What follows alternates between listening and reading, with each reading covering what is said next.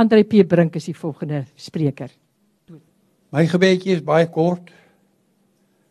Ek wil teruggaan na 1963 toe.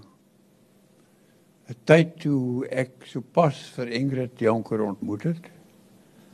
En dit was omtrent 10 dae later dat uh, ons die uitnodiging gekry het of ek die uitnodiging gekry het om vir Dirk en Marie te kom kuier en sy studente toe te spreek. En omdat ek en Ingrid toe so pas by mekaar was, wou ons nie nog 'n aand uit mekaar uit wees nie. En daarom het sy saamgekom. Wat eintlik seker 'n verkeerde besluit was. Want uh die aand was nie 'n groot sukses nie. Hoofsaaklik omdat sy dit moeilik gemaak het vir mense van wie sy nie hou nie om van haar te hou. En sy kon baie behoorlik ongeskik wees. En dit was sy ook daardie aand. Verskeie kere wat sake vir my nie so maklik gemaak het nie. Want hier kom ek by die groot Dirk Opperman wat ek van tevore net dink ek skrams ontmoet het. En nou moet ek vir sy studente 'n lesing gaan gee. En hier kom Ingrid en sy gaan uit haar pad uit om ongesellig en ongeskik te wees met omtrent almal wat sy teekom. Dit was dus nie 'n maklike aand op enige tydstip nie. Waar dit begin het was dat uh, ek eers 'n paar woorde oor Dirk gesê het en oor sy werk. Ek moes immers my uh spore verdien deur te wys dat ek groot belangstelling en bewondering en agting en respek en selfs liefde vir hom het voordat ek hom oorgaan tot my eintlike teks.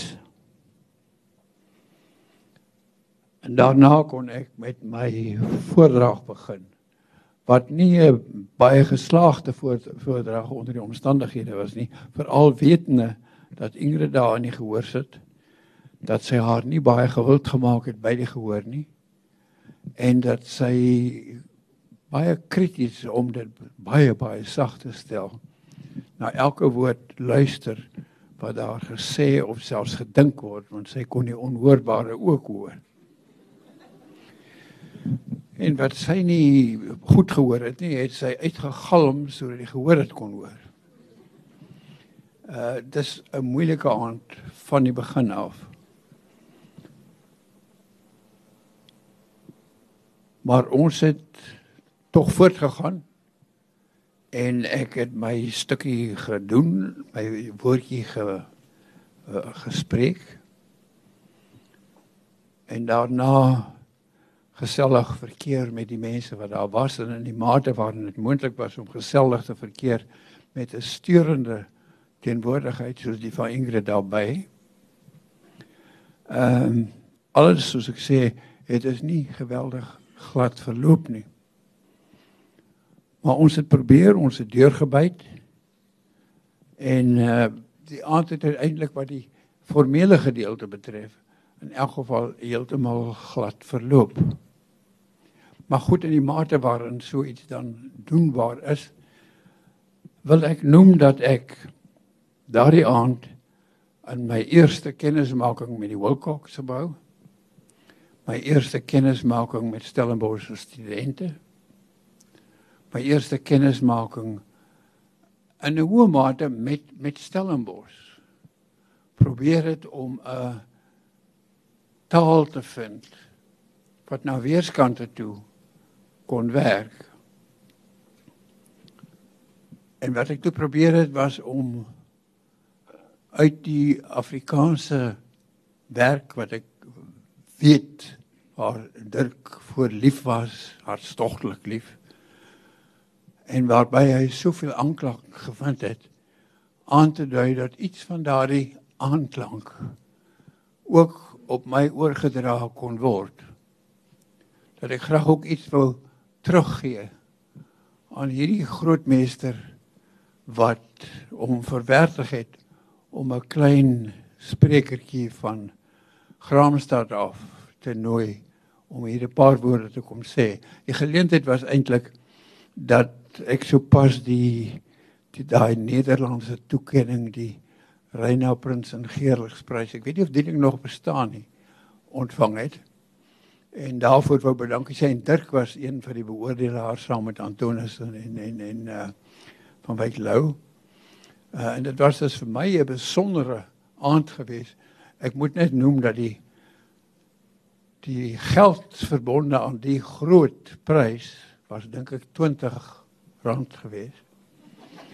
Wat 'n moerse bedrag destyds was. En wat dien ooreenkomstig gewaardeer is uh, agterna het ek eers besef dat dit nou regtig seker nie eintlik jy moet die werd was om uh 1000 km byna 1000 km daarvoor af te lê van Graamsstad af en weer terug nie. Maar die die rede waarom ek gekom het was natuurlik eintlik Ingrid dit was nie dit was nie die spreekgeleentheid nie.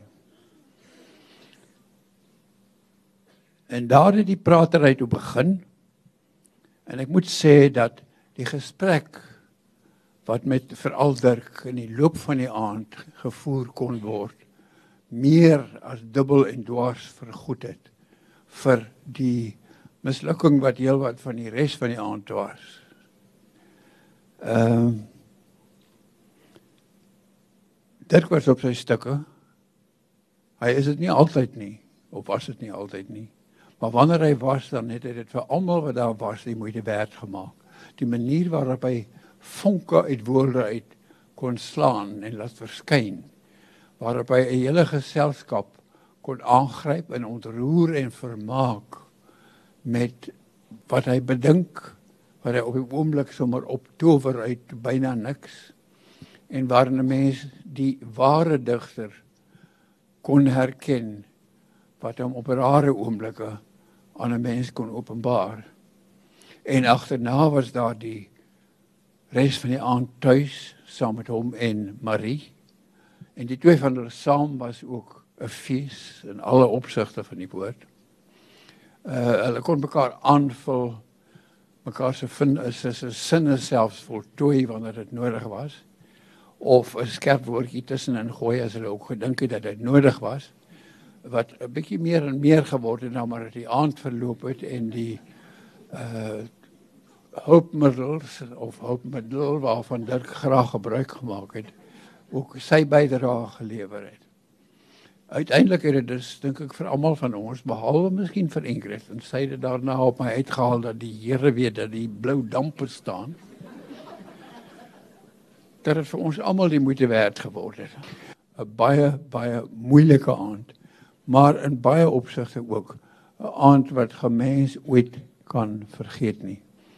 En ek wil daarom eintlik net baie kortliks 'n aand soos daardie huldige antwoord nooit weer herhaal kan word nie op vers om verskillende redes en op verskillende maniere. Uh maar wat toe veel ryker was as wat ek op die oomblik besef het wat agterna aangevul is met herinneringe en met moontlikhede en met wyshede, die soort wysheid wat graag agterna kom.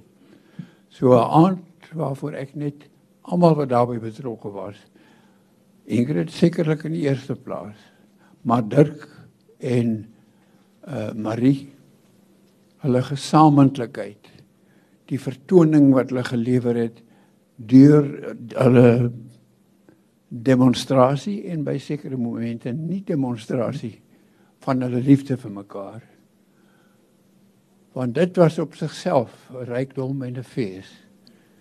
En dit was iets waarin almal van ons wat daardie aand daar was kon deel en waarvoor ons nou nog 50 jaar later eintlik net dankie kan sê.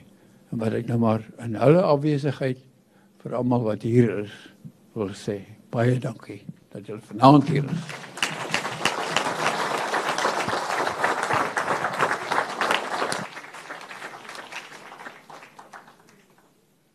Baie baie dankie. Dit was 'n baie boeiende en 'n vlot uh toespraak oor wat vir ons vertel het van een so belewenis. Sy sê hy het eintlik nog baie ander baie interessante uh, belewennisse om te vertel. Ons hoor graag 'n ander keer ook daarvan.